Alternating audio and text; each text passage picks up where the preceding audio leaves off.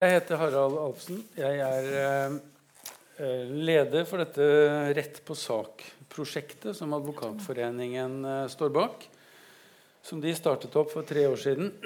Dette er da 35. rettsområde som vi eh, skal gjennom eh, på en og en halv time. Og eh, som jeg sa til Anne Line, for, for en gangs skyld så kan jeg noe om det òg. Siden jeg jobber med det feltet her eh, selv. Eh, opplegget er at vi snakker sammen en eh, times tid. Eh, og så er det åpning for spørsmål fra salen. Eh, fått inn ett spørsmål av litt større format, og det skal vi ta ganske tidlig. Ellers så tas det opp på podkast, sånn at dere kan gå inn på Littpod om en stund og lytte.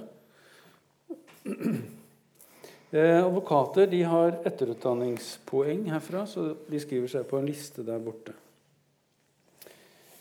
Yes. Um, jeg jobber som advokat i Inventura advokat og jobber nesten bare med offentlige anskaffelser og kontrakter og erstatning. Um, denne gangen har jeg med meg Anne Line Wingsgård. Du må fortelle litt om deg selv. Anne Line? Det kan jeg gjøre. Um, ja. Jeg er da eh, direktør i et organ som heter Klagenemndssekretariatet. Organet med det rare navnet. Som, eh, som inneholder eh, veldig mye forskjellig. Kort fortalt så er vi et saksforberedende organ for seks ulike klagenemnder. Herunder da KOFA, som vi skal snakke mest om i dag.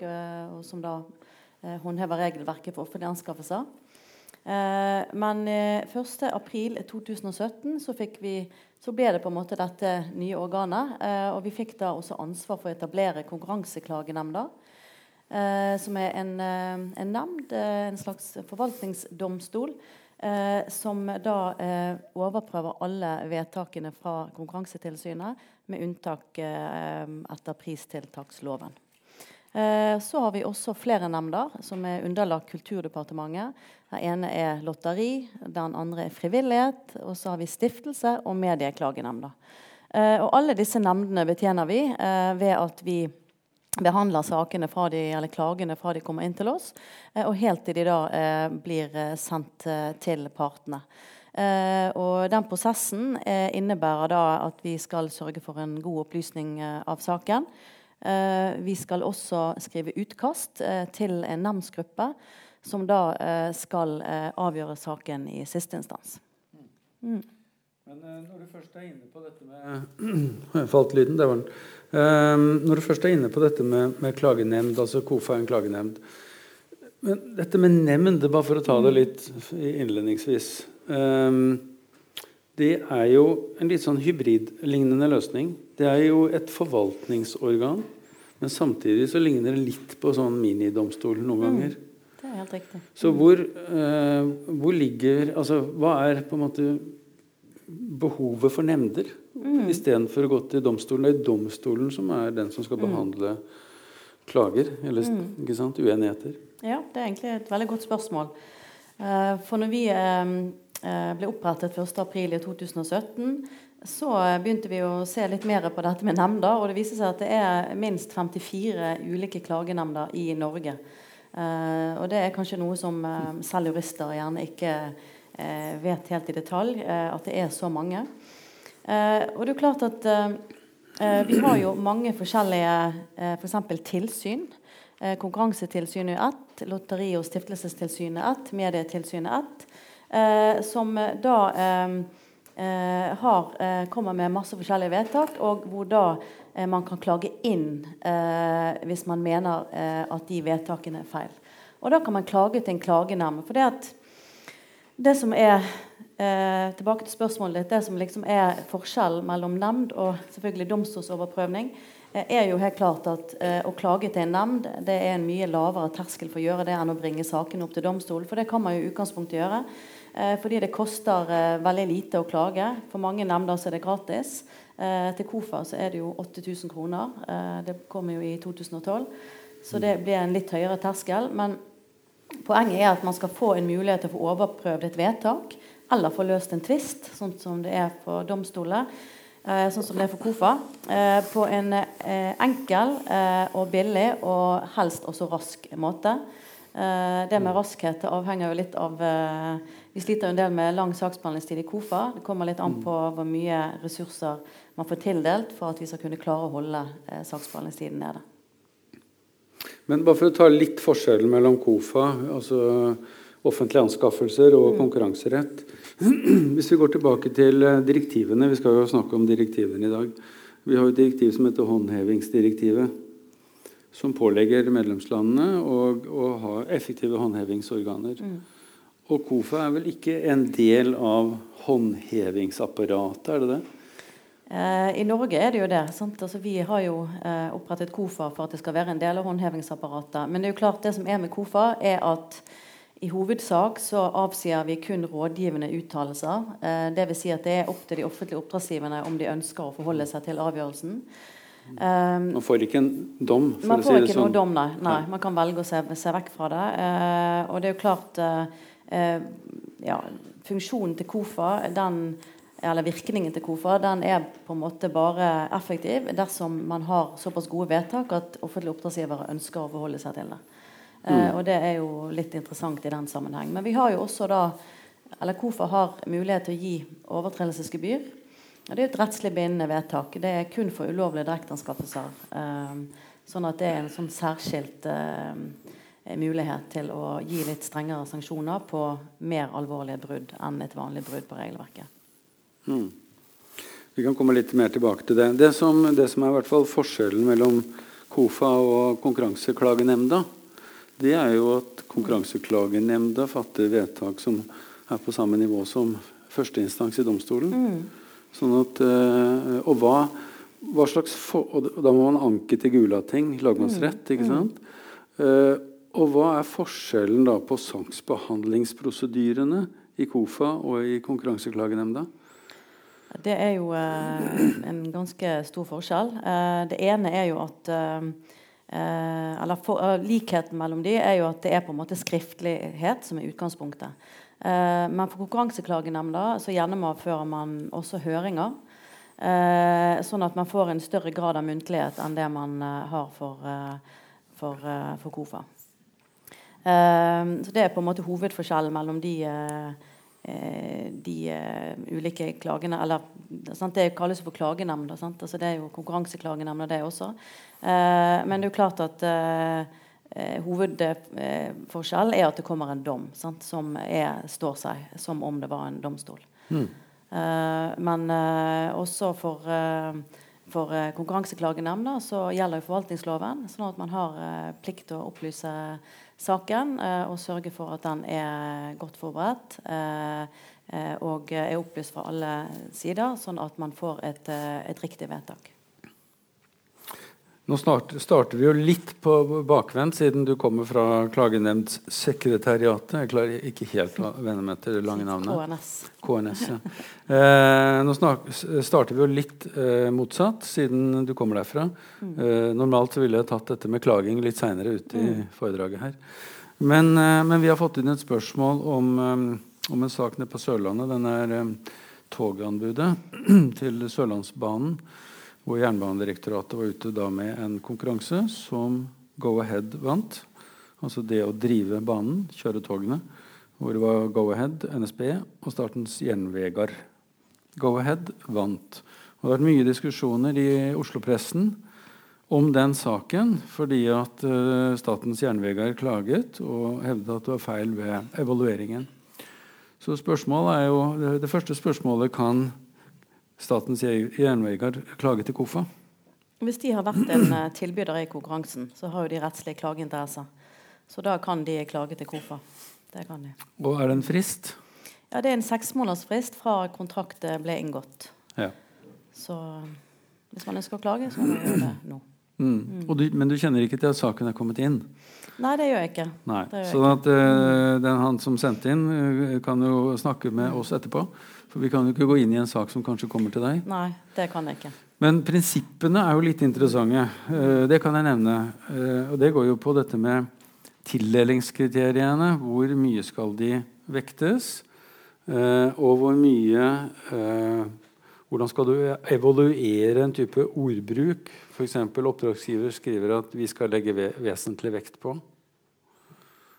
Og så gjenkjennes ikke det i eh, evalueringen etterpå. Og her har du liksom prinsippet om forutberegnelighet, og du har prinsippet om etterprøvbarhet. Og det er nok en utfordrende sak. Mm. med skjønnsutøvelse og sånt. Dette skal vi nå komme inn på. Eh, men bare for å avslutte det med klaging. Du sa at etter at dere har behandlet saken, så går den jo tilbake til klageren og partene. Mm. Eh, I hvor stor grad har du inntrykk av at eh, KOFA sine saker følges opp eller aksepteres av partene?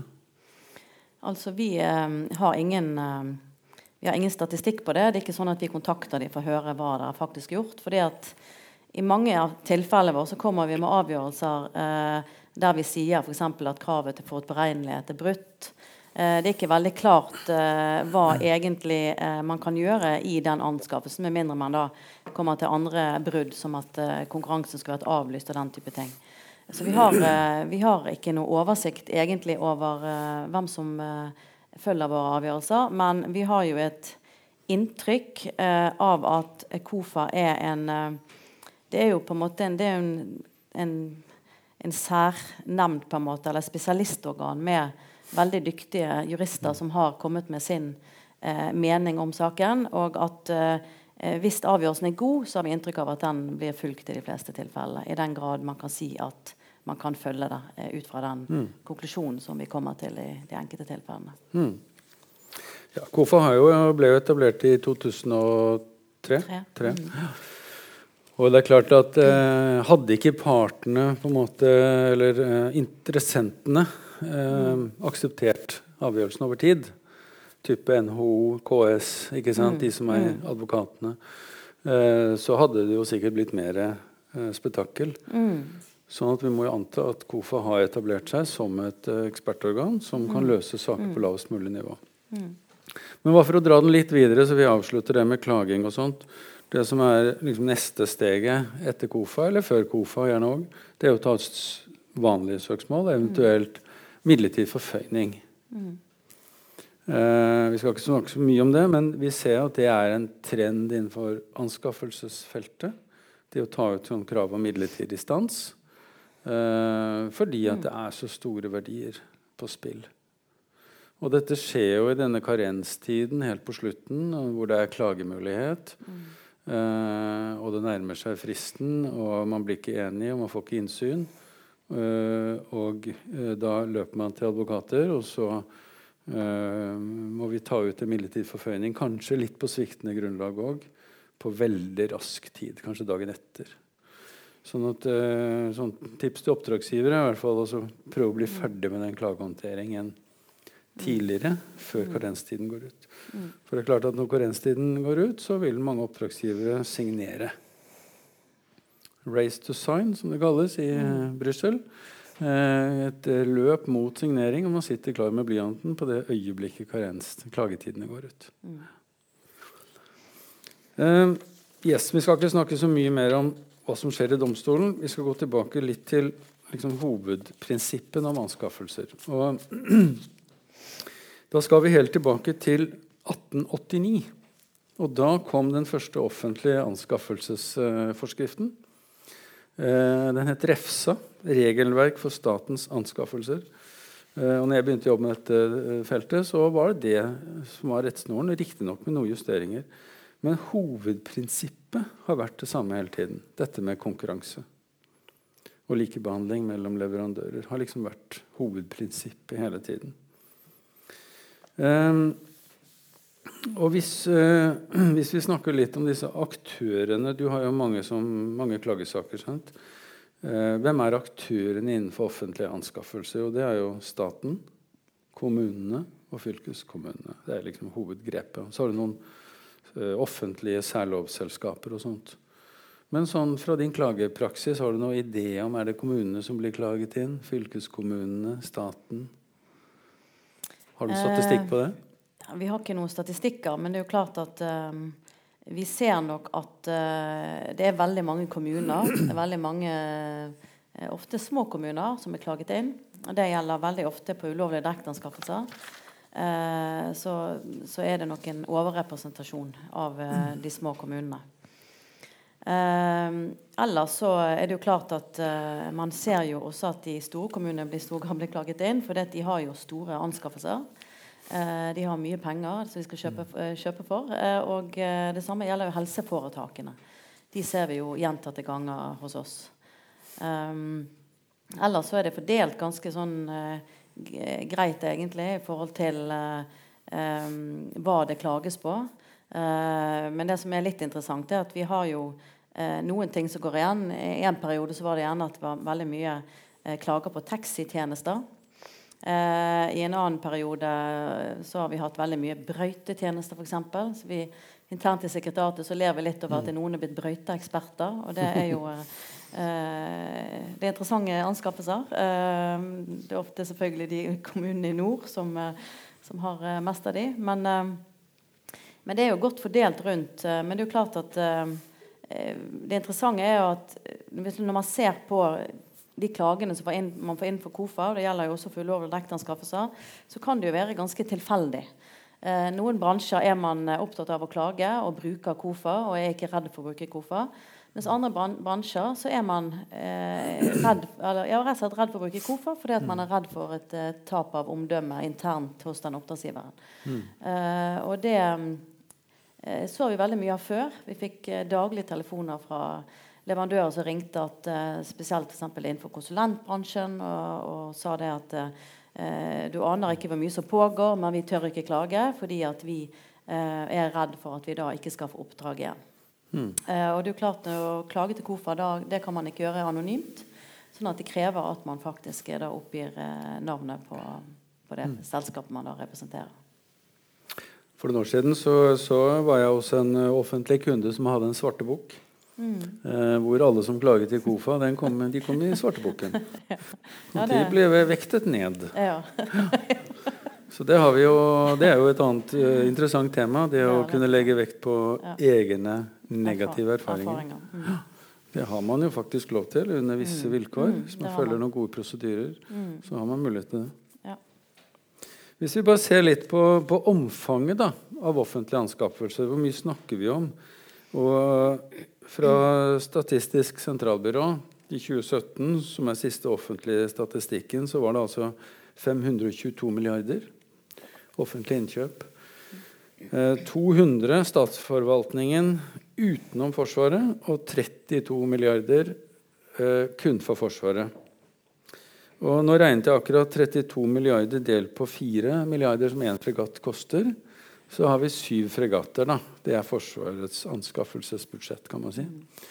Um, men det skal gå til mye annet rart òg. Mm. Til alle luftforsvar og hær og marine og alt hva, som, hva de måtte trenge. Eh, kommuneforvaltningen 200 eh, milliarder.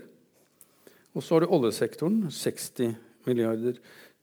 Oljesektoren har fått et unntak mm. eh, fra anskaffelsesreglene, så de er ikke sånn direkte inni der. Men de store oljeselskapene, sånn som Equinor, for eksempel, bruker de samme ja. reglene stort sett. Mm.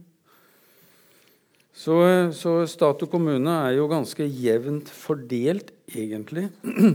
og Hvis vi bare tar et sånt blikk rundt oss i, i Bergen, da, hvem er det som er de store offentlige innkjøperne? Altså, vi sitter jo i Bergen kommune. ikke sant? Bergen kommune er en stor innkjøper. En kommune kjøper vanligvis inn mellom 20 og 30 av sitt budsjett er innkjøp. Eh, noen ganger mye høyere hvis det er tunge investeringer, nybygg, eh, sykehjem, skoler. Eh, andre ganger mindre. Mens den største offentlige innkjøperen eh, i Norge sånn prosentmessig er Statsbygg. De kjøper inn for 95% av omsetningen sin. Så de har noen egne ansatte i Statsbygg. Eh, som var min første arbeidsplass med offentlig innkjøp. Eh, mens de leier jo inn, kjøper inn ingeniører, arkitekter, entreprenører osv. Så, videre. så det er alt fra 95% til en 20-30 hos en kommune. Um, og litt i tillegg til sånn som kommunen, så har du da Avinor, et stort prosjekt. Det er bygget en ny terminal til 4 milliarder. Du har bybaneutbyggingen som pågår kontinuerlig til mange milliarder. Du har Bane Nor, som skal ruste opp for flere milliarder, som holder på både i, i tunnelen, Arnabergen, bygges om på stasjonen. Eh, du har Forsvaret eh, som en stor eh, anskaffer. Og så har du alle direktoratene som er her, osv. Nå skal vi bygge et nytt eh, akvarie. Jeg er ikke helt sikker på hvor de ligger, faktisk. så jeg kjenner ikke helt til. Men det skal bygges offentlig bygg. Så alle disse skal jo følge anskaffelsesreglene. Og bygg er nå én sak.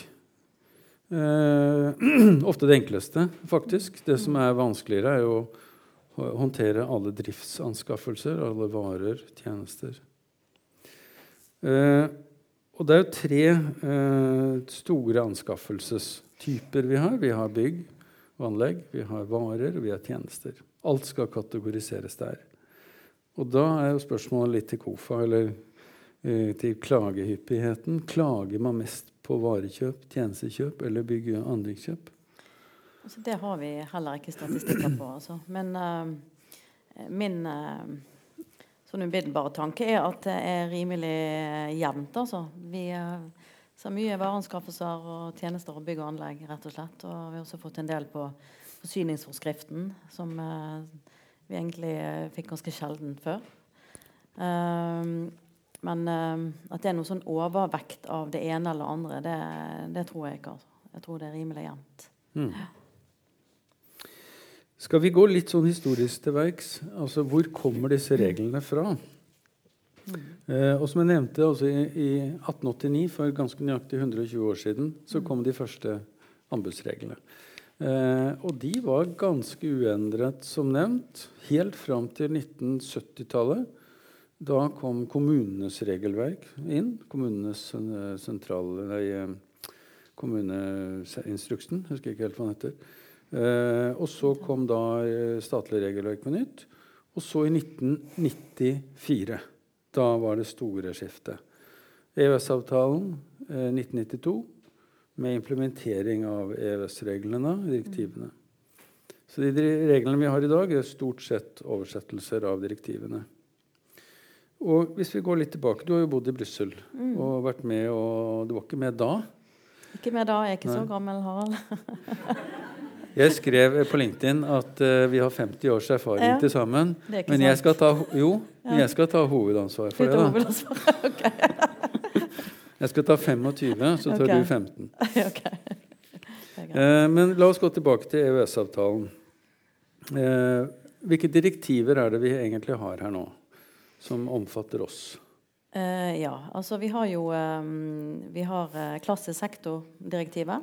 Mm. Uh, og så har vi uh, forsyningsdirektivet, og så har vi vel konsesjonsdirektivet. Um, og det tror jeg vel er det vi har. Ja. Det er samlet i de tre direktivene. Ja. Og er det altså Jeg sa 50, jeg mente 40 år, forresten. Ja. Bare tenkte når plutselig det ble for gammelt. Mm. Eh, altså, eh, ja, du har ett direktiv for kommune og stat, og så har vi et, for forsyningssektor. Mm. Det er litt sånn merkelig mm. sak, egentlig. Uh, hvem er det som er omfattet av det? Ja, det er jeg nok ikke helt sånn ekspert på. Som sagt så får vi ganske få uh, klager inn på forsyning. Uh, men det ble jo kalt for de ekskluderte sektorer helt i starten når forsyningsforskriften kom inn. og det er jo da transportsektoren. Eh, havn er vel også omfattet. Eh, og også eh, elektrisitet. Mm. Så derfor de tre som jeg kommer på Vann og avløp? Ja, vann og avløp. Mm. Mm. Eller, ja. Mm. Så BKK for eksempel, er vel omfattet av forsyningsforskriften. Ja, i hvert fall visse deler av den. Visse deler. Mm. Mm. Så, så, det som skjer i praksis, er jo direktivene de blir endret sånn jevnlig. Uh, og det er jo en veldig spennende sånn lovgivningsprosess, det der. Mm. For hva er det som er årsaken til at direktivene endres? Det er jo hovedvekt på eh, utvikling i EU-domstolen.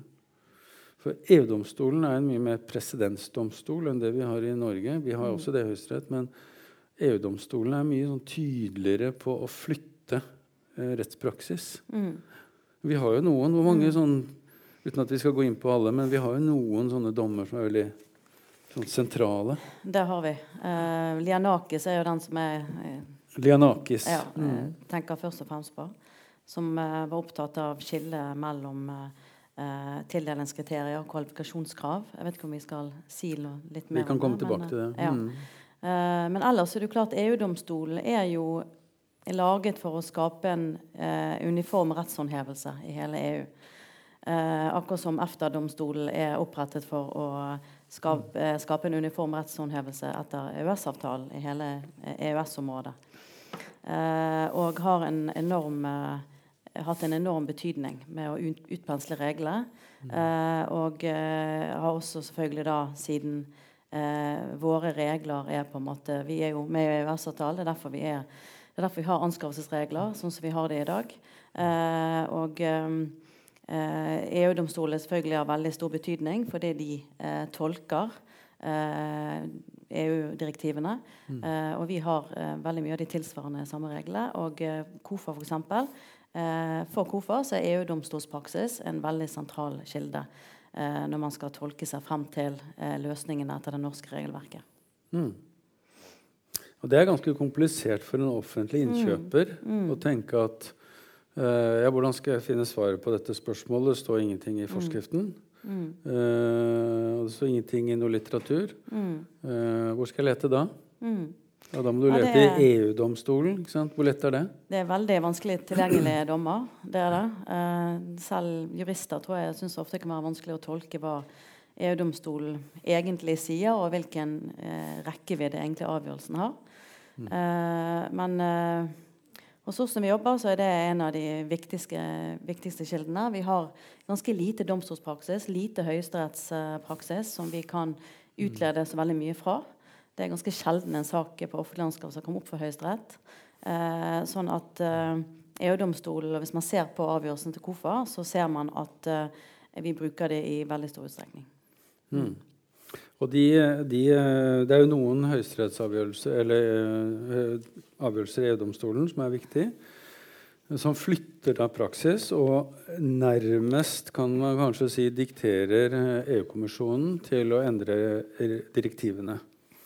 F.eks. Mm. dette med å gi uh, karenstid kom fra en sånn sak, og andre. Um, i tillegg så har vi en god del lobbyister som prøver å endre regelverket. NHO er ganske aktiv gjennom det som heter Business Europe. Uh, det er en sammenslutning av uh, arbeidsgiverorganisasjoner. Mm. Uh, de er veldig aktive. Mm. jeg syns ikke de offentlige innkjøperne er noe særlig aktive.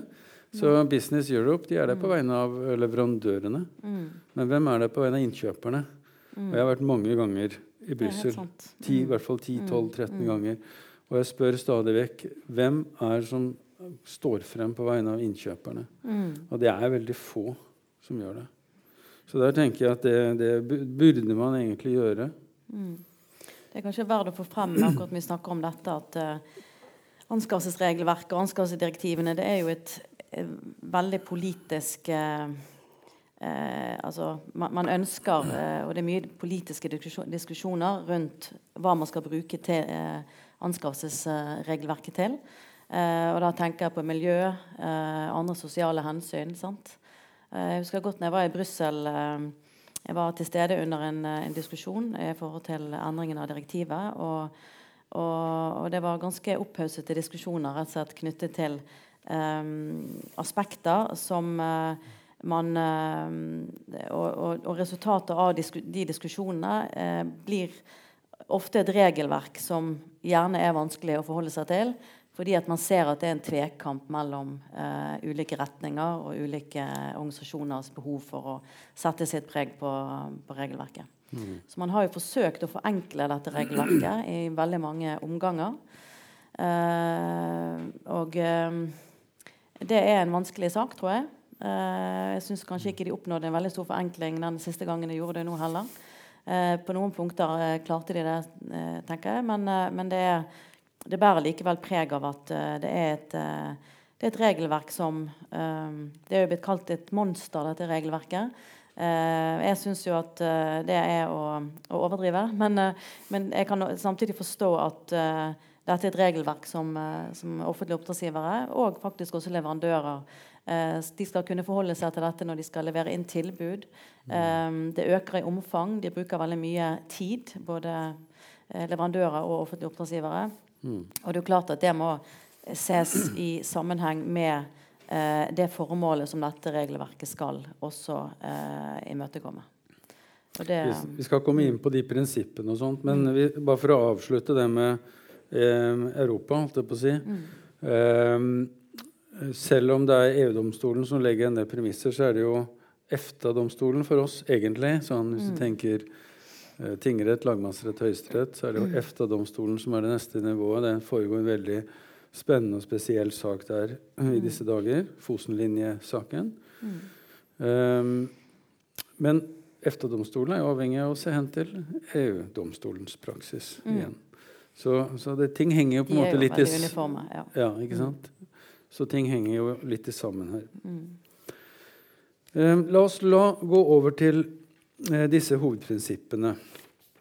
Eh, det første som jeg nevnte, er jo konkurranseprinsippet. Og da er det jo sånn at uh, For å få konkurranse så må jo folk vite om det. Så da er det da kunngjøringsplikt over visse terskler terskelpriser. 1,3 millioner for varer og tjenester. Eh, eller 51 millioner for bygg og anlegg. Så over de tersklene, eller 2 millioner for kommunesektoren, over de tersklene så gjelder da EØS-direktivene. Og under der så kan hvert land bestemme selv hva de vil ha for regler. Noen land har nesten ikke noen regler i det hele tatt. Uh, mens andre land har veldig detaljerte regler. Norge har jo hatt veldig detaljerte regler, men er blitt myket litt opp. Men uansett regelverk uh, så er det noen hovedprinsipper som går igjen. da. Konkurranse er det viktigste. Mm. Og det motsatte av konkurranse, hva er det? ja, Det er monopol eller duopol, altså markedsdeling eller markedsbegrensningsmekanismer. Mm. Så liksom, hovedintensjonen er at skal leverandører bli best mulig til å levere tilbud, så må de føle at de er i konkurranse. Ellers så blir de monopolister og blir late. Og fete og dyre. Mm. Um, og så har du forutberegnelighet, som går på Nå skal jeg komme til KOFA-praksis nå, hvert øyeblikk. Uh, forutberegnelighet, som går på sant, at det må være klart for tilbyderen hvordan de skal svare, hva, skal, hva, slags krav som er stilt, hvordan de skal svare. Eh, og så er det etterprøvbarhet. De skal kunne forstå hvordan de har blitt evaluert. Og så har du likebehandling, at de skal bli behandlet likt. Og det siste som kom inn for to år siden, er forholdsmessighet. Det har vært et EØS-prinsipp hele tiden, men det kom inn litt, forholdsmessighet kom inn litt, som jeg husker det, på grunnlag av at innkjøperen skal ha et bevisst forhold til hvilke krav man stiller. At man ikke flesker til med å stille ekstremt mye krav mm. på ting som er ganske enkle. Altså gjør terskelen så lav som mulig. Og når jeg har tatt disse fem prinsippene eh, Du har ikke noe statistikk, det vet jeg. det har du sagt. Men eh, er det noe av det som du tenker går igjen som klagegrunn? Ja. Um jeg vil nok kanskje si at uh, vil, ja, Jeg vil vel si at kravet til forberegnelighet er kanskje det som går mest igjen. Um, uh, og det har nok uh, sammenheng med at du klarer kravet til forberegnelighet gjør at, at en offentlig oppdragsgiver må i anskaffelsesprosessen være veldig klar på f.eks. hva han skal anskaffe, på hvilken måte. Eh, og andre hvilke kriterier man, man skal evaluere etter. Eh, og det er jo klart at eh, det vi ser ofte skjer, er at man har en stor kravspesifikasjon, masse ulike kriterier, og bruker mye tid egentlig det i, i den forberedelsesfasen. Uh, og når da tilbudene kommer inn, så, og når selve evalueringen da skal uh, foretas, så ser man at oppdragsgiverne gjerne glemmer litt hva de faktisk egentlig mente med det kriteriet. Eh, og da blir det veldig fort brudd. Da er det veldig tydelig når man ser på begrunnelsen eh, at eh, man ikke har forholdt seg til det man faktisk har lovet. Eh, og det er jo klart det er jo et ganske alvorlig brudd. For det kan jo føre til at hvis man evaluerer på helt annet grunnlag enn det man faktisk har satt opp, så kan uh, tildelingen bli helt feil. Mm. Så det er en gjenganger. Men vi ser også mye på, på likebehandling, og etterprøvbarhet er jo også noe som er en gjenganger. Uh, det er jo flere regler i regelverket som er et utslag av prinsippet om etterprøvbarhet. Det er den protokollplikten. Men så har vi også kravet til begrunnelse. Eh, og eh, det er veldig ofte at eh, det skjer at eh, det er mange forskjellige anførsler eh, som ikke nødvendigvis KOFA kan, eh, kan, overprøve, for vi har ikke nok dokumentasjon, f.eks. Vi har jo kun skriftlig saksbehandling, og det er jo en hemmer for å kunne nå helt ned i kjernen av hva vi snakker om. og da ser vi ofte at da blir det brudd på begrunnelsen. Og vi ser at det skorter veldig der. Eh, men det har jo vært en eh, lang diskusjon i, i praksis hvor, langt, hvor mye man skal kreve egentlig av en oppdragsgiver. Hva, skal man ha disse kjempelange begrunnelsene, og kan man egentlig forvente det? Eh, KOFA-praksis stiller ganske strenge krav til begrunnelse, eh, og det syns jeg er bra. Eh, fordi at uten en god begrunnelse så er det jo helt umulig å overprøve hva som faktisk har vært den reelle vurderingen til eh, oppdragsgiver. Mm. Ja, nei, Der peker du på et lite problem ofte. fordi at uh, før i tiden, holdt jeg på å si. Uh, I det forrige regelverket, før det ble revisjon, så var det jo krav til først en liten begrunnelse, mm. og så en stor hvis du ba om det.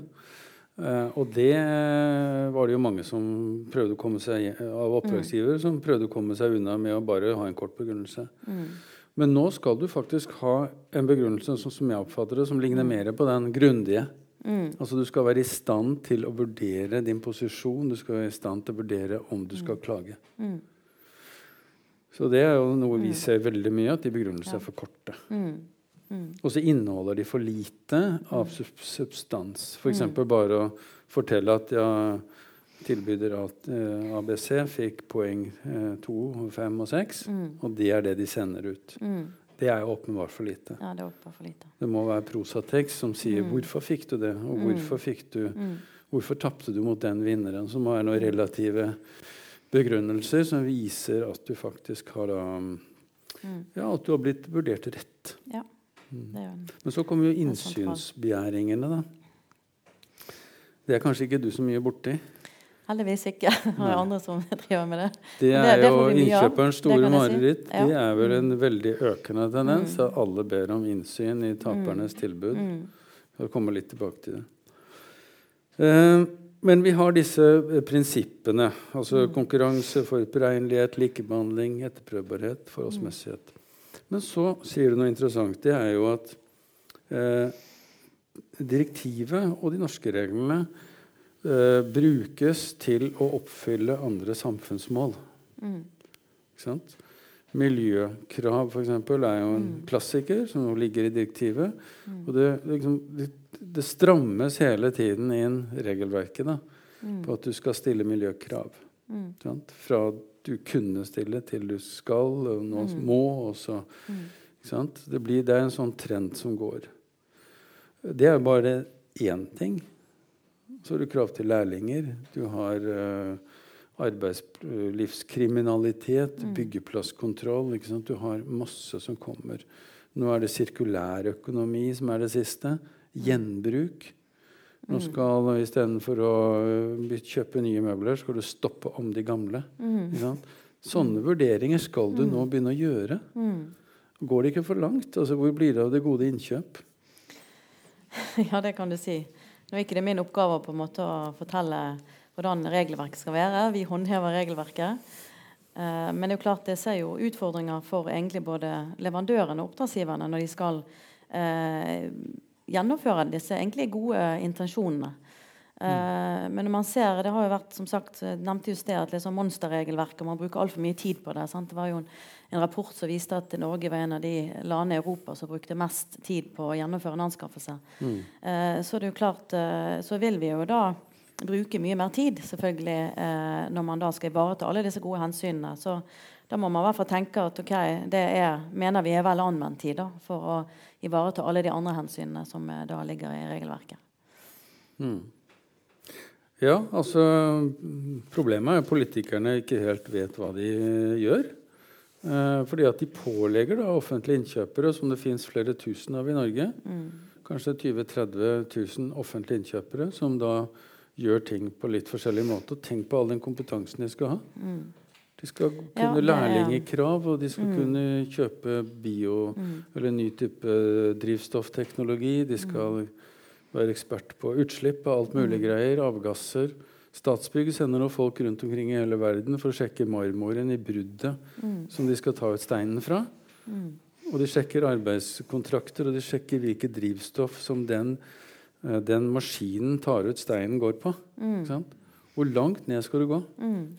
Tenk hvis alle skulle holdt på sånn, da. Ja, nei, det er nettopp det. Men det er jo godt nytt for sånne som deg, Harald. Det... Jo, jo. Tenker ikke på meg selv. Jo, altså det er klart at uh, vi uh, Men hvis uh, Du kan si for å, for å, Hvordan har vi svart på det? Det er jo at vi må ansette folk som kan dette. Mm.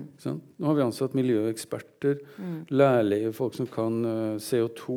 Mm. Jeg har ekspert på drivstoff. ikke sant? Mm. Det er, det, det er jo ikke det som nødvendigvis er det gode innkjøp. Det er jo å skaffe Nei. konkurranse og gode mm. tilbud, gode leverandører og fremdrift. Og, ikke sant?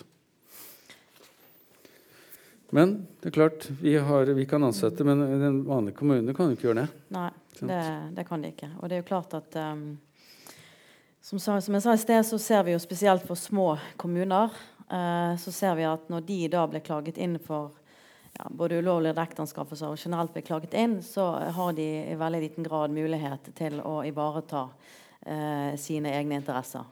Uh, fordi at uh, det krever så mye kompetanse uh, å håndtere en KOFA-klage. Eh, på en eh, god måte. Og det er jo eh, en uheldig konsekvens sant, av at vi har et veldig komplekst regelverk. Mm. At de små kommunene faller veldig fort ut. Men når det skal sies, så er det jo en fordel at noen går foran òg. Hva er det som skal til for å flytte markedet eller mm. flytte oppmerksomhet? Jo, det er noen må stille krav. Mm. Og det er jo veldig convenient å bruke den offentlige innkjøpermakten da, mm, til klart. akkurat det. Absolutt. Det er hvis vi ser tilbake på Jeg har jo jobbet, eh, jobbet i Bergen kommune i min tid. Jeg må alltid tilbake til det, men det var en, en veldig fin tid vi hadde. Fikk mye praktisk eh, og god erfaring. Eh, og eh, det er nå 15 år siden. Og eh, jeg tror det har vært en revolusjon altså, siden jeg var der og til nå. Eh, I å ha en profesjonell holdning til, et, til en anskaffelse. Og derigjennom forstå hva som ligger i eh, miljøkriterier, de ulike kriteriene, og anvende de på riktig vis. For det er jo det som er vanskelig. sant? du kan mm. ikke gjøre det veldig lett ut fra en mal. Men du må vite hva du eh, mm. er ute etter, eh, sånn at du faktisk foretar en god evaluering i etterkant. Og, så jeg tror nok at det går veldig fremover. Og vi ser på de klagene vi får inn også nå, at de er eh, Og de anskaffelsene som blir foretatt, mange av de er mye, mye bedre enn det de var tidligere. Eh, vi ser ikke disse her eh, eh, opplagte feilene lenger. Vi ser mye mer eh, saker med mye mer kompleks jus, der det faktisk har vært eh, tvil, stor tvil om hvordan man egentlig skal forholde seg til regelverket. Og Det er jo et positivt tegn mm. på at det går veldig fremover med Innkjøps-Norge. Mm. Eh, når du nevner det med maler altså Vi kan bare ta et lite sånn overblikk over eh, hvor skal man søke altså når man skal mm. prøve å finne ut av dette anskaffelsesfeltet.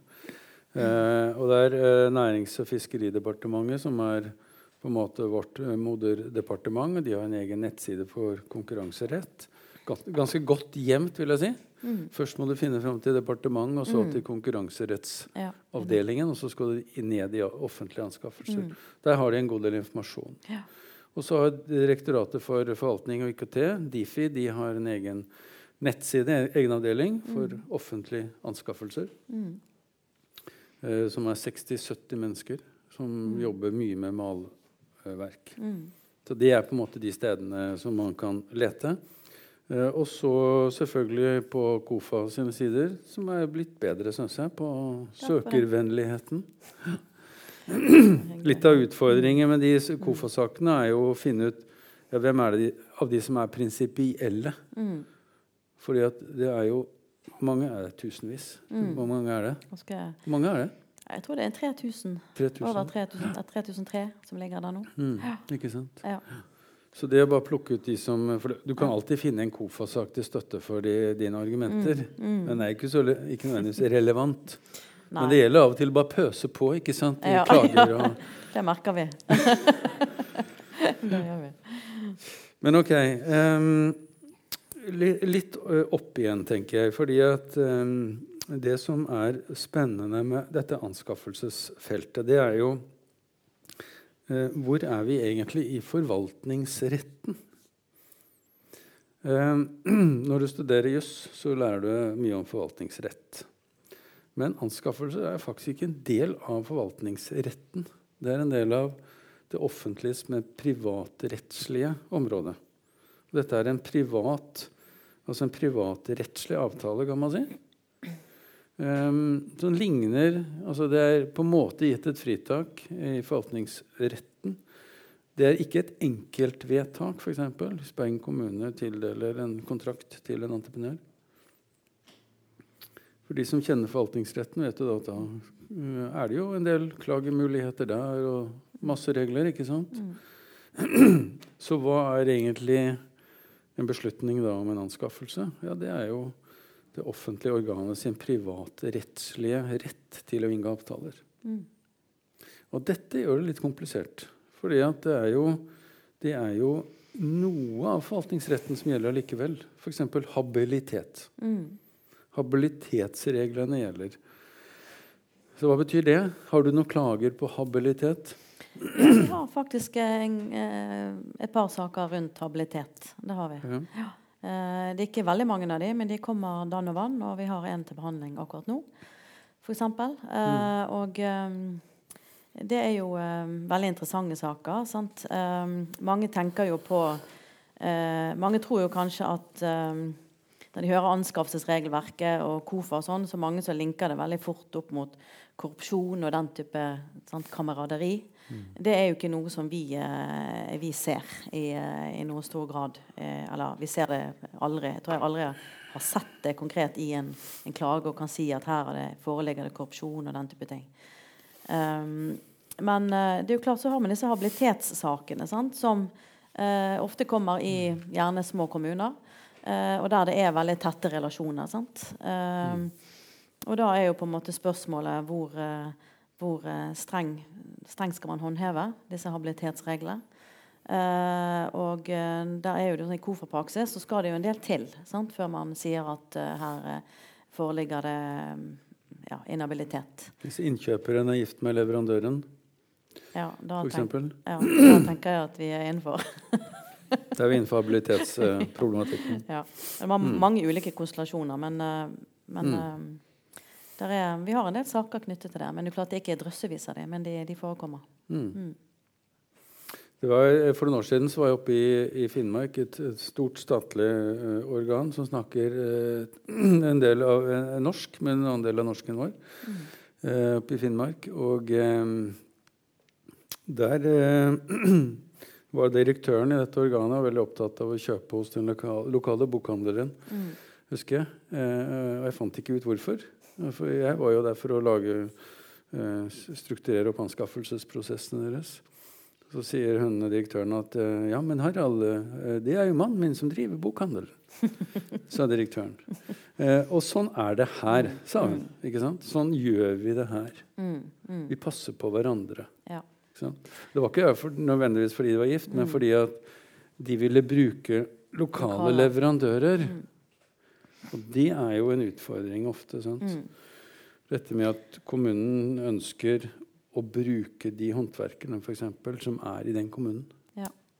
Og det er jo Når du tenker på likebehandling og ikke-diskriminering, sant, så er det på en måte som er bakgrunnen for at vi har anskaffelsesregelverket også. Sant? Eh, At eh, man ikke skal favorisere f.eks. norske leverandører eh, kontra utenlandske. For at man skal kunne klare å skape et indre marked i EØS-området. Eh, og oppfylle da eh, de kravene som Eller de eh, de tankene rundt at man skal få Jo mer man får fri flyt av varer, tjenester og kapital, så får man en mer effektiv indre marked. Vi skal komme litt akkurat tilbake til det med organisering av anskaffelser, og, og, om det er mulig å dele opp på den måten om et lite øyeblikk. Men uh, bare for å ta det med habilitet Vi uh, har jo noen få saker. Det kom en helt utrolig eh, sak i domstolen for et par uker siden. I lagmannsretten, Hålogaland lagmannsrett. en kommune, Herøy kommune, Eh, som, eh, som, har tråkket skikkelig i salaten. Og der er det altså de har, Der er alle brudd som kan uh, ha blitt gjort noen gang, har blitt gjort der. Uh, og Der var det altså tett habilitetsbrudd mellom uh, rådmann og leverandør, og det var søster, og bror, og det var ektefelle og venner fra gamle dager osv. Så, videre. så den, den, den, den dommen Uh, fra 11.3.2019. Og når dere hører på podkast etterpå, så kan dere fange den opp hos Hålogaland lagmanns, lagmannsrett. Det gjelder helsehus, bygging av helsehus omsorgsboliger. Og Lagmannsretten kom altså til at det var en ulovlig direkteanskaffelse. Det skal vi snakke om nå. Eh, at kontrakten skulle kjennes uten virkning. Eh, at kommunen pliktet til å betale overtredelsesgebyr og erstatning for negativ kontraktsinteresse. Du, du, kan ikke gjøre det verre, egentlig. Så her er det skjedd masse problemer. Så bare for å ta det med habilitet, så er da eh, det man må være oppmerksom på, det er jo da at eh, jobber man med anskaffelser, så gjelder da forvaltningslovens habilitetsregler. Eh, og, og, jeg må si at vi som, som innkjøpsrådgivere, da, vi uh, Eh, opp, eh, oppfatter nok at vi i mye mye større grad hele tiden må avgi habilitetserklæring mm. på alt vi gjør. På store prosjekter så må vi inn hele tiden og oppdatere habilitetsdokumentasjon eh, etter hvert som kontrakten stiger fremover også, faktisk. Så, så dette er et veldig viktig område.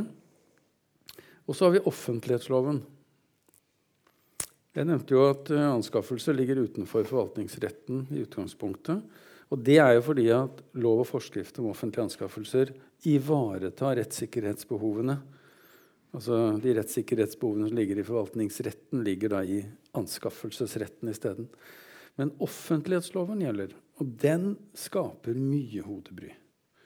For der gjelder jo dette med, med innsynsrett taushetsplikt, sladding, den type ting.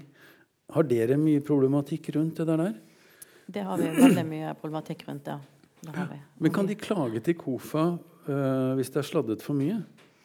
Uh, ja, det, det, kan de. Eller klage til KOFA. Ja, vi, vi, har jo I utgangspunktet så er det jo uh, sånn at KOFA har um, At de kan klage, men det er jo ikke saker altså vi, vi, ønsker jo ikke å bli en klageinstans for eh, misnøye med en offentlig oppdragsgivers eh, sladding av dokumenter. Mm. Eh, sånn at eh, det blir ofte løst på litt, eh, litt andre grunnlag. Eh, vi, vi, har vel uttalt for en god del år tilbake at, at, det er noe som vi da ikke ønsker å være en instans for. Men kan, man kan som utgangspunktet da klage den inn til KOFA. Men har dere innsynsrett i de dokumentene som da er sladdet fra før av? Uh, ja, nå spør du godt. Det er jeg faktisk litt usikker på. Uh, vi hadde vel det tidligere i tidligere praksis. Nå får, nå får vi ikke de dokumentene, der. Vi, vi, ber om en begrunnelse for hvorfor de er sladdet. Eh, og de må komme med ganske detaljerte begrunnelser før vi da tar, eh, tar stilling til det. Men vi, men vi, har ikke lenger innsyn i dokumenter, så, altså de, den sladdete, usladdete versjonen. Nå får bare mine ansatte i sekretariatet arrestere meg hvis jeg sier noe feil. Så da må man ta seg en tur til domstolen da, for å få domstolen til å kikke på det? Ja, det må man kanskje gjøre da. altså. Mm. For, for der, eh, der, tror jeg at vi må at vi melder pass. Mm. Mm. Det, som er, det som er viktig, altså Min erfaring etter å ha møtt veldig mange offentlige ledere, det er jo at Eh, de har litt utfordringer med å skru om hodet sitt fra det, liksom, det forvaltningsståstedet som de er vokst opp i, utlært i og praktiserer til dagen, over i det forretningsmessige. For anskaffelsesgjennomføring er jo mer business. Det er jo value for money er jo, er jo EU-direktivets opphav, egentlig. Mest igjen for hver krone. Så hvordan får du offentlige ledere til å tenke gå fra forvaltning til forretning? Det er ofte utfordringen. Men jeg tenker etter hvert så ser vi jo en dreining. At det, det kommer flere og flere ledere som tar dette alvorlig. Uh, og det er jo ikke noe gøy å havne i KOFA, for å si det sånn. Uh, men et, de fleste etter hvert ser det forretningsmessige riktige og får mest igjen for hver krone. Så det er i hvert fall min sånn det overordnede. Men de er, jo ikke, de er jo ikke på en måte ansatt nødvendigvis for å være, drive forretning. Mm. Så det er litt sånn vanskelig, det der. Mm. Du nevnte dette med korrupsjon. Det er jo et, kanskje en av verdens verste eh, tendenser for tiden. Eh, det ødelegger enormt mye i verdensøkonomien. Og det er store liksom, kampanjer, antikorrupsjonskampanjer rundt omkring. Ehm, det har jo blitt tatt inn i direktivet eh, nå, anskaffelsesdirektivet. Dette med hva skjer hvis noen er dømt for korrupsjon. Eh, og det er jo også et nytt felt som innkjøperne må forholde seg til. Det er jo å finne ut om noen er dømt for korrupsjon. For da inntrør det ganske mye greier. Da skal man sjekke hvor lenge siden er det, og man skal sjekke, sjekke deres self-cleaning-tiltak. Altså de må ha gjort tiltak for å blitt bedre. De må ha sparket noen ledere, de må ha kjørt noen antikorrupsjonsprogrammer osv. Og Det er ganske komplisert, det må jeg innrømme. Det, vi har hatt noen store internasjonale mm. tilbud hvor vi da um, har funnet ut dette litt på egen hånd, faktisk. For det er ikke alltid de oppgir det, selv om de skal krysse av på på dette skjemaet eh, som de skal fylle inn.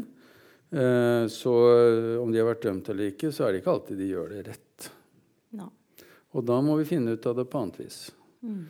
Um, vi har svære rettssaker i hele verden. Og et stort miljø i, i, knyttet til innkjøp og korrupsjon. På Handelshøyskolen har de engasjert seg veldig på dette. Mm. Professor Tina Søreide er jo veldig engasjert i dette å knytte anskaffelser opp mot korrupsjon. Fordi at det er i anskaffelsesprosessene korrupsjon oppstår mm. veldig ofte. Innkjøperen er korrupt. Innkjøperen får penger under bordet. Mm. En av de siste sakene jeg var borti, var en sak for Felleskjøpet. kan jeg si sto i avisen. Der var det jo en innkjøpssjef som hadde fått båtmotor og diverse eh, av en leverandør. Mm. Ja. Og ingen oppdaget det. Eller hvordan blir det oppdaget? Sant? Å prøve å finne ut av det er komplisert. Mm. Mm. Her er man avhengig av varslere, som er en helt annen historie. Mm. Eh, da har vi holdt på en times tid, vi, Annaline. Så vi kan jo høre om det er noen uh, Før vi har, snur arket her, kan vi høre om det er noen som har noen spørsmål? Vil du ha en mikrofon, eller? Vi har en mikrofon. Uh,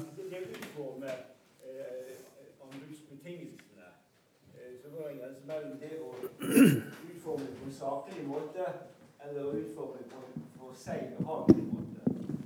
Det er spesielt på at alle kommer inn i større kjeder. Og I Bergen så var det en sak for ikke så lenge siden som gikk på dette med hoteller. Og da, da eh, bruk av hotellkjeder. Eh, og da var det en, en, en, i Bergen de som har eh, en privat. De har mange hoteller, men de har kun i Bergen. Og de ble da utelukket plutselig fordi at de hadde ikke hotell i Stavanger. De hadde ikke hoteller i De var ikke med i noen kjede. Mm. Og klaget, og det var i avisen, fordi at uh, de falt da utenfor. Og staten sa at det er mer behagelig for oss å inngå med en kjede som har representasjon i flere byer. Og dermed så, så, så ja, blir det en uheldig konsekvens av det selvfølgelig at de som bare har én by, men er stor allikevel, de detter utenfor og kan ikke delta. Det var i grunnen uh, mm. kan, kan, kan, man, selv sette slike uh, behagelige kriterier? ja, nei, altså Kriteriene kan ikke settes ut fra sånn behagelighet, selvfølgelig. i Men hvor, hvor er det regulert i tilfelle? Hva sa du? Hvor er det regulert? Nei, altså man har eh, I anskaffelsesregelverket så, eh, så er det jo regulert eh, hva man kan sette som kriterier. Altså Man har både kvalifikasjonskrav, som er nærmere regulert, eh, og så har man tildelingskriterier. Eh, men det er jo klart eh, både kvalifikasjonskravene og tildelingskriteriene eh, Der er man på en måte Det er ganske skjønnsmessige kriterier, men i ditt tilfelle så og det er klart, det må det også være. fordi at Oppdragsgiverne må jo ha mulighet til å kunne ha kriterier som gjør at de får det de har behov for. Vi ville jo ikke ønske å være i en situasjon der det var så begrenset at man endte med å komme opp i en anskaffelse som ikke var det man ønsket. Men så er det selvfølgelig visse begrensninger. sant? Her var det at, at, at, At de ville ha en- Selv om man hadde mange som skulle overnatte i Bergen, Ja. så, så, så falt dette utenfor. De kunne jo da si at ok, vi primært inngått med kjeder, men eh, skal vi i De enkelte byer må også få lov å være med. Altså de hotellene som bare kun var i, i Ja. de største byene, f.eks. Ja. Eh, jeg vet ikke hvordan denne saken endte, men den var tatt bredt opp, husker jeg. For de følte seg fullstendig eh, satt på Ja, jeg kan huske den der. Men den ble ikke klaget inn til KOFA, i hvert fall. Nei, det er mulig. Eh, Så vidt jeg kan si. Men den ble sikkert si klaget om- direkte inn i Jeg kan jo si litt om uh, prinsippet, fordi at uh, en offentlig innkjøper står ganske fritt til hvordan du organiserer deg, og hvor, hvor, stor, hvor stort gjør du potten egentlig? Hvor stort innkjøp er det det egentlig du gjør? Fordi at du kan kjøpe i utgangspunktet én og én gang én og én ting, for å si det sånn. Ett og ett hotellopphold. Eller du kan lage en rammeavtale på ett år frem i tid. Eller maks fire år frem i tid, sånn, som hovedregel. Um, du kan kjøpe alene, eller du kan gå sammen med andre offentlige i et innkjøpssamarbeid. Uh, og, gjør, og staten har laget noe som heter Statens innkjøpssenter, som går ut for hele Norge for statlige virksomheter. Og hvis du gjør prosjektet så stort, da, da havner du på de kjedene. Jo, jo, og da mister du egentlig herredømme over anskaffelsen. Du mister herredømme over hvor, hvilken leverandører du bruker. Så Det er problemet med de kjedene, at er, kaken er blitt for stor. Og Statens innkjøpssenter har øh, Det er ganske vanskelig der, fordi at du har stordriftsfordeler og effektivitetshensyn på den ene siden. sant? Men på den andre siden så svekker du da lokalmarkedet. Du svekker konkurransen over tid, fordi at de som ikke får den svære avtalen, de faller da helt ut. sant? Så Jeg husker ikke helt den som kjøpte den her, om det var et stort lokalt innkjøpssamarbeid, som egentlig har samme effekten, da, at noen faller utenfor. Eller om det var statlige etater. Det husker jeg ikke helt. Men dette går på organisering, og det går på egentlig en sånn analyse av konkurranseintensitet. Hva skjer med konkurransen over tid hvis du slår sammen volumet? Så for å, for, å, for å gi den type hoteller, eh, de historiske hotellene f.eks., offentlig oppdrag eller offentlig overnatting, så må man lage kaken mye mindre. Er det et uh, politisk spørsmål også, kanskje? Ja, det er vel ja, det, er altså det med Statens innkjøpssenter er nok et politisk spørsmål. De håper jo å ta ut stordriftseffekter, og det har de gjort. På de, de avtalene som de har, er ute med, på telefoni og IT og litt sånne ting, så, og hoteller, så har de stordriftsfordeler. Helt åpenbart. Men samtidig så er det jo Men den langsiktige effekten, den har vi ikke på bordet ennå. Men NHO er jo eh, veldig opptatt av å sørge for at man eh, oppfordrer til å dele opp kontraktene, sånn at ikke man får eh, masse store leverandører. Sant? At man, Ja, for trenden går jo nettopp i Ja. dette med å, å, å inngå med kjeder og større og større ja, kontrakter. det det. Mm. Og da vil jo flere og flere egentlig falle ut fordi at Ja. de, de, de, de, de eh, ikke evner å mm. er- De er ikke store nok. Ja. Mm. og det, det er nok litt bekymringsverdig i forhold til konkurransen. At det er en del små som kommer til å dø ut fordi at de ikke får oppdrag. Ja, altså ho Hovedregelen er faktisk at kontrakter skal deles opp. Ja. Det står i forskriften. Uh, og det er jo for de små og mellomstore bedrifter skal få muligheten til å gi tilbud. Uh, men du kan ganske enkelt komme deg unna med å bare fortelle hvorfor du ikke gjør det. Ja. sant? Men jeg vet jo at selv om ikke Statoil er sta- staten, så har jo de vært kritisert for å sette så rigorøse og de skal eh, lette på alle stedene anbudene, så mm. at, at, at, det er kun noen som kan være med. De andre har ikke mulighet, kapasitet, ingenting å, mm. å, å, å, eh, delta. Fordi at man setter mm. Man føler seg så stor at man setter de betingelsene så tøff mm. som kanskje helt unødvendig. Ja, skal ikke si mer. Bak deg. altså selv om kontraktene da eh, gjøres mindre, og at man ikke gjør kaken så stor, så eh, fremstår jo likevel regelverket som veldig stort og på en måte stadig større og mer omfattende. Eh, komplekst.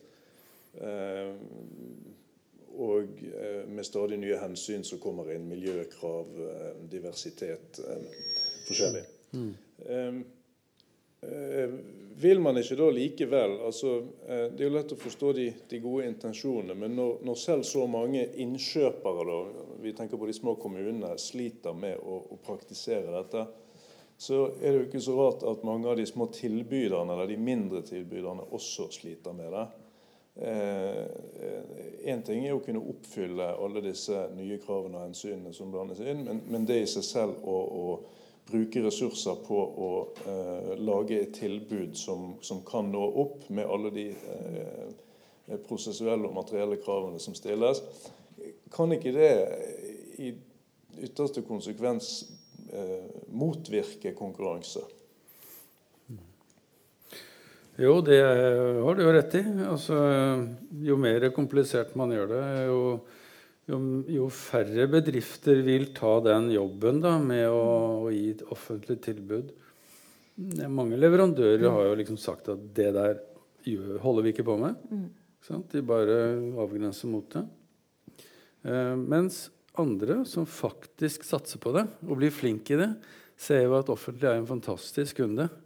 Sant? Det offentlige betaler alltid regningen. Hvis de har fått ytelsen. da. De betaler jo alltid regningen i tide stort sett. må man gjerne da ha en, en viss størrelse allerede. da. Sånn at man på en mm, måte, det, det, blir, det blir litt som å komme inn på, på bokmarkedet. Det er greit å ha en, en liten mm. kåk fra før. Mm. Ja. Ja, nei, det, det, det, er jo et godt innspill, og det er jo et, egentlig et politisk innspill da, eh, til, lokal, altså til næringsutvikling. Uh, og Her har du jo dialogen mellom de store innkjøperne og næringslivet, næringsforeningene. Eh, dialog mellom partene er jo en av de trendene som vi ser veldig kommer. Eh, det står i forskriften om offentlige anskaffelser at det er adgang til markedsdialog, men det som egentlig står, er jo at man bør ha markedsdialog. Altså Offentlige innkjøpere bør kjenne markedet sitt. Ha markeds, altså markedsmøter, ha fortelle hvilket behov som kommer, osv. Forsvaret er veldig flink til det. Eh, med dialog med markedet om hvilke store prosesser som kommer neste årene. og sånt. Mm. Men det er klart jeg, jeg deler jo litt en bekymring. Altså, for det at uh, de aller fleste leverandørene i Norge er jo små og mellomstore bedrifter. Um, og uh, Det samme gjelder de som klager inn til oss også. Det er veldig små bedrifter. Uh, hvor f.eks. Eh, klagebyret kan oppleves eh, som mye eh, på 8000. og det er jo klart at det da å være med i en konkurranse som, hvor det er stilt krav til dokumentasjon og, og mm. beskrivelser, oppdragsbeskrivelser og i, enorme, altså, enorme krav mm. som de skal dokumentere, så er det jo klart at eh, eh, de færreste små og mellomstore mm. klarer gjerne å allokere ressurser til å gi tilbud. Mm. Eh, og, eh, så jeg tror at det er minst like, like stor bekymring det at man rett og slett eh, ikke har nok leverandører. Jeg tror ikke det er sånn at det står flust ved døren. Altså. Um, mm. Og I mange europeiske land så er det sånn at de, de det å levere tilbud til en offentlig oppdragsgiver det er noe som de veldig, mange, veldig mange tilfeller lar være å gjøre. Eh, fordi at det er ikke verdt det å investere i ressurser for å kunne levere inn tilbud. For det tar så mye tid. Mm. Og Det er jo litt bekymringsverdig hvis det, eh, den trenden også kommer til Norge i veldig sterk grad. Eh, vi, er jo, eh, vi er jo selv en offentlig oppdragsgiver. Eh, og i den konkurran konkurransene som vi har hatt, så har ikke vi vært nedrent med leverandører. Også, det må jeg si. Mm. Uh, og det syns jeg jo nesten er litt trist. Um, fordi um, um, det er viktig å kunne få uh, inn mange forskjellige tilbud. Mm. For å ha et mye større arsenal å velge mellom. Og uh, ja, det er synd hvis det blir trenden videre. At det blir så arbeidskrevende at man rett og slett lar være å levere inn tilbud hvis man har, selv om mm. man har et veldig godt produkt. Mm. Det som, eh, det som, eh, som, vi jobber etter mye, det er jo at vi eh, Når vi lyser ut et, en kontrakt, så skal vi vite hvem som gir tilbud. Altså, Du skal kjenne markedet ditt så godt ha snakket med dem på forhånd og, og forhørt hørt dem hva skal til for at dere er interessert. Har det noe med mengde, eh, risikoplassering, mm. eh, tidspunkter ikke sant? Eh, hva slags dokumentasjon har dere som vi kan be om? Altså, den mm. type dialog er utrolig viktig mm. å ha. Og da blir man ikke overrasket. Mm. Og de blir veldig interessert.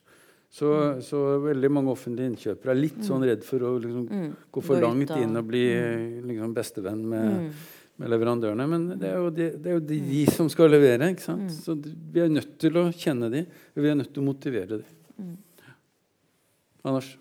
Ja, til slutt. Eh, Fins det gode og eh, oppdaterte norske studier som på en måte tar for seg da forholdet mellom henholdsvis kostnaden ved å eh, ha dette regelverket og, og, forvalte det, altså sånn på makronivå, eh, kontra den eh, altså Både da på, på innkjøpersiden og tilbydersiden kontra den samfunnsmessige gevinsten som man da estimerer å, å ha ved å, å, ha det regelverket?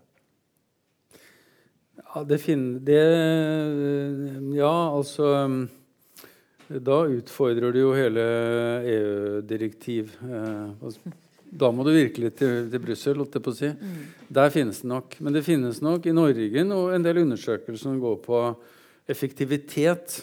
F.eks. dette med terskel, den nasjonale terskelverdien. Eh, vi har ikke snakket så mye om disse terskelverdiene, men den er 1,3 millioner i EØS-terskelen, og under der kan vi velge. Sånn, akkurat nå er det vi helt ned på 100 000, altså under 100 000 så er det fritt frem, egentlig, da, hvis du ikke har egne regler i din egen offentlige etat. Eh, og mellom 100 000 og 1,3 millioner så er det stor fleksibilitet, egentlig. Det er et konkurranseprinsipp at du skal innhente tre tilbud, kanskje, og sånn, men mm. Så hvor ligger den grensen hvor du, hvor du må formalisere en konkurranse? Tidligere var det på 500 000. Lyse ut på Doffin over 500 000. Og Der har du en del transaksjonskostnader. sant? En kontrakt mm. på 500 000, så bruker du kanskje 100 000 på selve innkjøpsprosessen. Så, så der er det gjort en del analyser. Så, så regjeringen flytter liksom den litt opp og ned. Mm.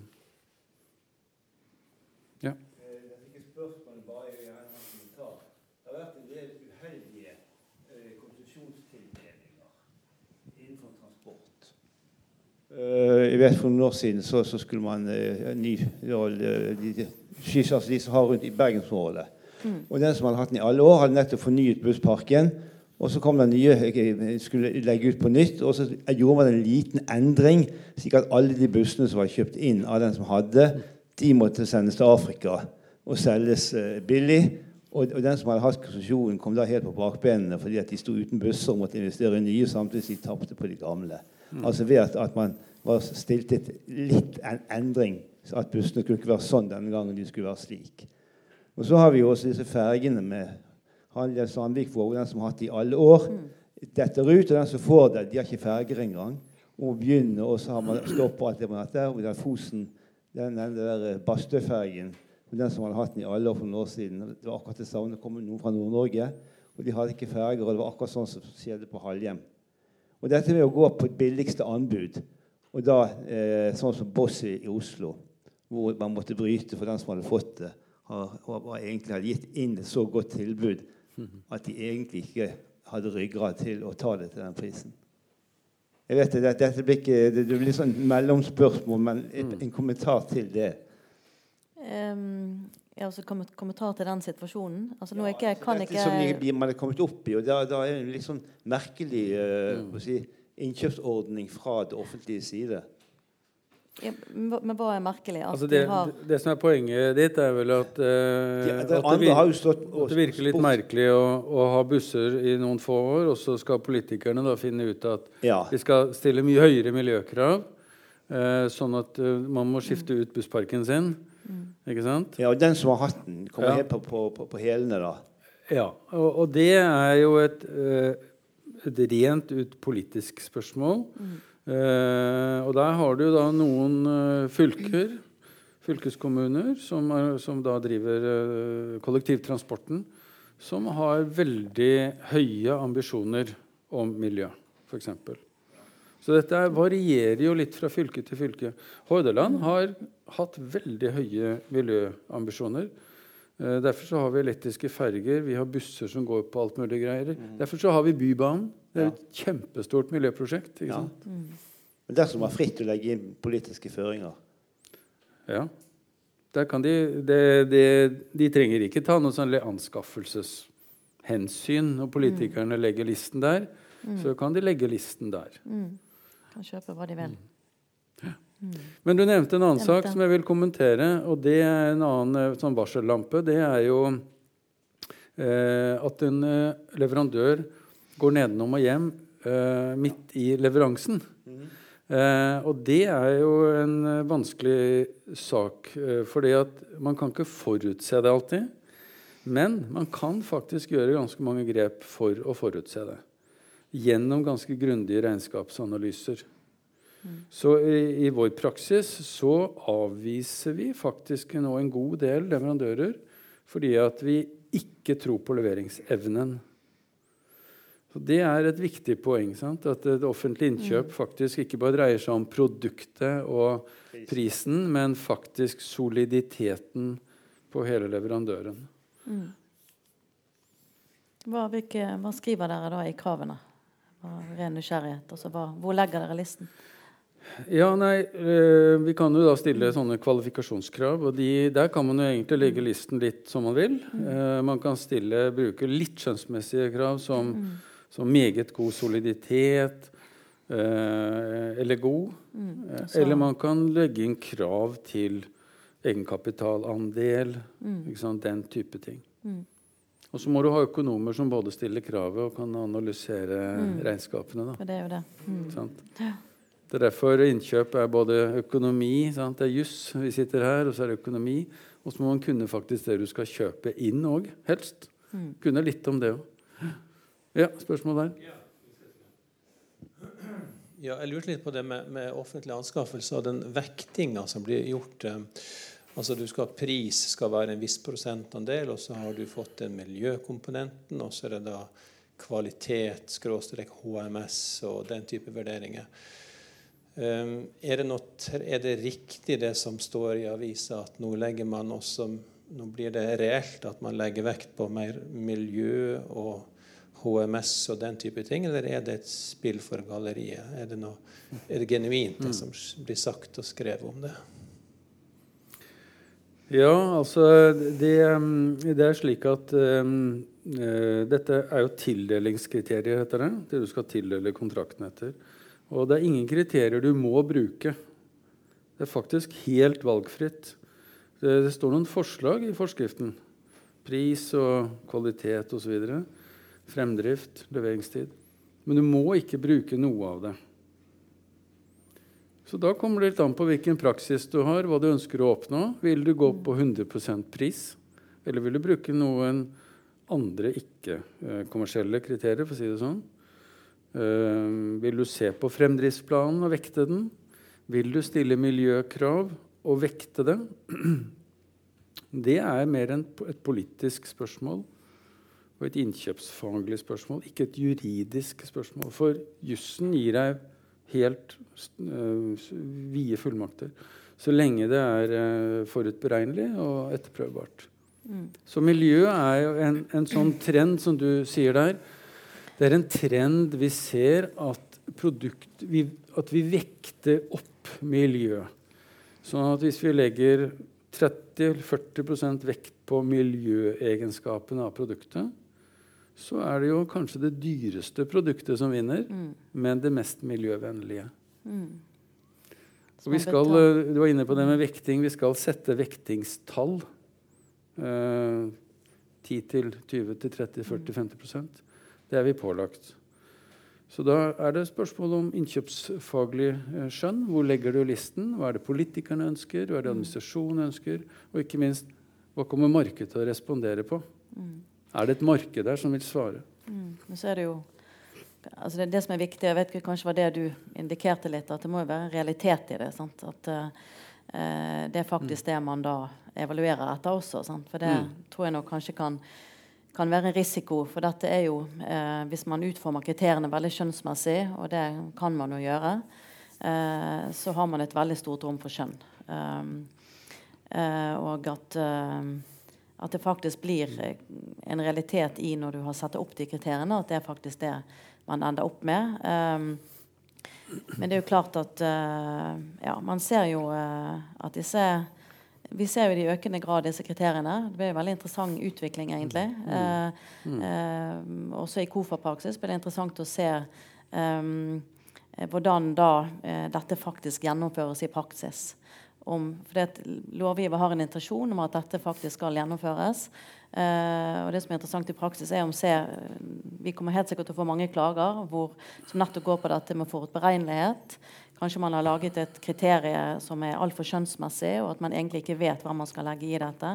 Eh, og hvor, eh, hvor KOFA da gjerne kan komme til, eh, hvis ikke det er eh, nok presisert, og tydelig for leverandørene hva man faktisk skal levere på når det gjelder miljø. Eh, at man da, eh, eh, og at man da får en riktig tildeling. Det, det tror jeg nok kanskje er eh, Hvis vi skal snakke om trender, så Mm. tror jeg at det blir en eh, spennende tid i KOFA-praksis å se hva, hva innholdet blir der. Mm. Vi, eh, jeg hadde en eh, bussleverandør en gang som eh, holdt på å evaluere et bussanbud. Så spurte han holder det at jeg maler den grønn. ja, ja. Det, det, det gjorde de ikke, altså. Eh, men vi, hadde, vi, har, vi har en veldig viktig dom i EU-domstolen. Eh, den herre borte i Finland. Concordia. Ja. Concordia buss-saken. Eh, hvor eh, faktisk Det var vel Helsinki, Helsinki kommune Mm, som valgte den dyreste leverandøren, eh, men som hadde det, eh, det laveste utslippet. Mm. Eh, og det blir da spørsmål er det lov å vekte miljøet så høyt og legge så mye vekt på det. Mm. Eh, og det sa EU-domstolen det er greit, så lenge det er forutberegnelig nok. Da. Mm. Så etter det så har på en måte øket veldig dette med å stille miljøkrav. Mm. Eh, jeg har eh, noen minutter igjen, eh, så noen eh, med sånne møteplager må vi da henvise til podiet etterpå. Kan vi ta det til, slutt, hvis jeg har to minutter? Eh, jeg vil bare si en, to ting. Nå skal vi, til slutt skal vi gi noen tips til leverandører. Dette med å gi tilbud og sånn. Men aller først så vil jeg si litt om det som noe av det viktigste med offentlig innkjøp som ikke står noe sted. Altså ikke står i loven eller forskriften. Og det er dette med hvordan skal en offentlig virksomhet egentlig organisere seg. Hvordan skal en kommune eller et direktorat eller Forsvaret eller whatever Hvem skal ha fullmakter? Sant? Hvem skal få lov til å kjøpe? Er det sånn den ytterste, eh, den ytterste post, utepost, utpost? Eller skal det sentraliseres til et sentralt konserninnkjøp? Eh, det er veldig vanskelig, for du plukker på så mange mekanismer. Eh, du truer så mange posisjoner eh, idet du tar fra folk myndigheten til å bruke penger. Så Det er veldig sånn komplisert. Mm. Hvordan skal du gjøre det? Hvem skal gjøre det? Eh, og eh, hvordan skal du på en måte ha lederfokus? Hvor skal på en måte innkjøpsledelsen sitte i systemet? Um, en, I en privat bedrift så sitter en chief procurement officer ofte i konsernledelsen. Altså Innkjøpsdirektøren sitter i konsernledelsen fordi at innkjøp er så stor del av omsetningen. Vi har jo ikke det i Norge. Vi har ikke liksom praksis for at innkjøpsdirektøren eller innkjøpssjefene sitter der. Vi har nesten ikke stillingskategorier for det engang i det offentlige stillingssystemet. Mm. Men det har vel endret seg ganske mye på de siste 20 årene, vil jeg tro. da. Det har endret seg ganske mye. Ja, det vel, ser vel du. Ja da. De, de, de løfter seg liksom mikro Mm. litt, litt, litt opp sånn hele tiden. Sant? Men, men det er altfor få offentlige virksomheter som tar liksom i den litt sånn vanskelige saken der. For innkjøp burde hatt mye større kan du si, posisjon, da. Men ok, det er bare for å ha nevnt det. For record så er det, det eh, noe av det vanskeligste vi jobber med, det er organisering, eh, strategiutforming, innkjøpsstrategier, den type ting. Eh, helt mot slutten, Anneline. Dette med tips til leverandører. Vi har snakket litt om det der. Ehm, hva skal de gjøre? holdt jeg på å si? Hva er ditt tips til leverandører som vil ha offentlige kontrakter? Ja, det er jo litt på siden av det vi driver med. Men, eh, men det er jo klart at eh, eh, Det som jeg tenker hvis jeg var leverandør Jeg har jo vært, jobbet som advokat og var leverandør av tjenester selv. Um, og det som ofte skjer, er at man ikke leser konkurransegrunnlaget grundig nok, og kunngjøringen. sant? Uh, og det er ikke nok å lese det, men du må forstå det, og du må jobbe med det. Så det må brukes ganske mye tid eh, eh, før du leverer inn et tilbud. Altså. Det, er, det er jo klart at eh, eh, det skal eh, besvares riktig. Du skal besvare alt, og det skal være komplett. Eh, og eh, eh, det har også på en måte viktig eh, Da tenker jeg at man eh, fremtrer profesjonelt ved at man faktisk har lest det og har gjort seg opp en grundig oppfatning. Og så er det jo også en oppfordring på en måte til å Hvis det er noe man ser er uklart i konkurransegrunnlaget eller kunngjøringen, så bør man da ta kontakt med oppdragsgiveren eh, og få det avklart i forkant, og ikke komme i etterkant. Um, fordi at uh, offentlig oppdragsgiveren har jo plikt til å svare hvis det er noe. Og du kan kanskje gjøre den offentlige oppdragsgiveren også veldig klar over at her er det faktisk en feil i konkurransegrunnlaget, eller forhold som gjør at uh, det ikke er forutberegnelig nok. uh, som gjør at man kanskje må avlyse konkurransen. Bedre det å stoppe på et tidlig tidspunkt enn å gå i gang med evalueringen, evaluere feil, og så kommer han til KOFA. Um, så jeg er jo sånn tilhenger av at det kanskje skal være litt mer dialog eh, mellom leverandører og oppdragsgiver på et tidlig tidspunkt. Og jeg er også veldig tilhenger av at eh, når konflikten først har oppstått det er ikke det jeg vil selvfølgelig gjerne ha klager til KOFA, men jeg er mest opptatt av at konflikten løses før han kommer til KOFA. Eh, og der tror jeg at både leverandører og oppdragsgiver sikkert eh, Der tror jeg det har skjedd veldig mye på de siste årene, men jeg tror at man fort går ned i skyttergraven. Eh, oppdragsgiveren er veldig redd for at her har man gjort en feil, og man kan klage inn, komme i KOFA og i media og den type ting. Eh, og istedenfor å da håndtere den konflikten på en profesjonell måte, invitere gjerne til et møte, eh, sånn at leverandøren ser at eh, her er det ikke noen intensjoner bak dette. Vi er også opptatt av å ha en god og forutberegnelig prosess. Eh, så tror jeg at, eh, at man lettere vil kunne løse konfliktene. Så det er vel egentlig mitt beste tips. At man både i forkant og når konflikt har oppstått, eh, både som offentlig oppdragsgiver, tør å ta et møte og gå inn i konflikten og erkjenne feil. Hvis man har faktisk gjort en feil, en åpenbar feil, eh, så er det jo meningsløst at den feilen da skal havne og at det er en lang prosess i KOFA, når den egentlig burde vært løst på et mye tidligere tidspunkt. Så det er mitt, er min anmodning. Det vi ser også, det er jo at eh, eh, tidligere var det sånn at eh, mindre leverandører var jo veldig opptatt av å følge med på Doffin. Doffin, altså database for offentlige innkjøp. Der kunngjør man eh, anskaffelser. Eh, alle over da, denne EØS-terskelverdien skal kunngjøres der, og under kan man bruke den. Men det er veldig mange offentlige innkjøpere som ikke bruker den Doffin-kunngjøringen under EØS-terskelen. Eh, og det betyr at leverandørene blir nå mye mer aktive i å på en måte komme på en shortlisting. Sant? De må presentere seg og, og ta kontakt og si 'her er jeg', eh, og 'husk på meg', og sånn. Eh, og det må de jo bare gjøre, da. fordi at ellers så vet jo ikke innkjøperne om de.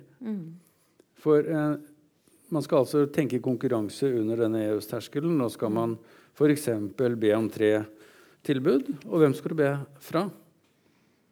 Og da er jo faren er jo ofte at man ber fra de samme tre hver gang, f.eks. Uh, men som man burde hatt i sin innkjøpsstrategi, en rotasjon. At man alltid skal ha en ny en på den listen, f.eks. Mm. Uh, og det bør man da, som leverandør, så må man da være litt sånn mer proaktiv. Mm. Et annet tips uh, Vi har jo ikke snakket så mye om innkjøpsmetoder, men anbud. Vi har anbud og forhandlinger som to forskjellige innkjøpsmetoder. Er det anbud, hvis man lyser ut et anbud, så er det faktisk forbudt å forhandle. Så gir man et anbud, så må man vite som tilbyder at du får ikke en second chance til å gi et nytt tilbud. Men hvis det er lyst ut konkurranse med forhandling, så har du en sjanse til å komme inn og, i en forhandlingsrunde. Ikke, du har ikke noe krav på det, nødvendigvis, men du har sjanse til det. Så det er, det er, også et tips til leverandørene. Finne ut hva slags prosedyrer det er. Og det siste som jeg eh, tenker, som er eh, Vi har ikke snakket mye om teknologisk utvikling, men det går jo mot helelektroniske innkjøpsprosesser. Eh, og Norge er veldig langt fremme i verden på det området. Alle offentlige anskaffelser skal nå kunngjøres eh, elektronisk, og tilbud eh, skal tas imot elektronisk. Um, og Det betyr at som leverandør så må du da kunne gi tilbud elektronisk. Mm. Og det er dessverre mange som ikke får det til. Det fins disse konkurransegjennomføringsverktøyene. Vi har tre-fire leverandører i Norge. Eh, så et tips som jeg har til leverandører, som oftest, det er at de må trene på dette. De må trene på å få legge inn i, det, i de systemene og gjøre det tidlig nok. For klokken tikker, og det er ikke noe, du får i hvert fall ikke noe second chance der når klokken tikker. Så uh, min, mitt tips til leverandører når jeg uh, holder innlegg på leverandørkonferanser, og sånt, det er jo at de må være aktive, de må være flinke til å lese. Det er et kjempestort marked. Men de må også uh, tilpasse seg at det offentlige, offentlige innkjøpere er mye mer teknologisk enn det privat innkjøper er. Yes, da er klokken slagen. Mm. Veldig bra. Jeg skal minne om eh, til høsten så er vi i gang igjen. Vi har to temaer som vi har på avtalt. Vi har et spennende tema rundt statsdannelser og løsrivelse. Vi skal snakke om Makedonia. Hva skal til for å skape en stat og for å uh, legge ned en stat? Uh, det er det ene temaet. Og det andre er utlendingsrett, og asylsaker og den type problemstilling. Så Takk for at dere kom. Takk for at du mm. kom. Takk, Takk skal du ha.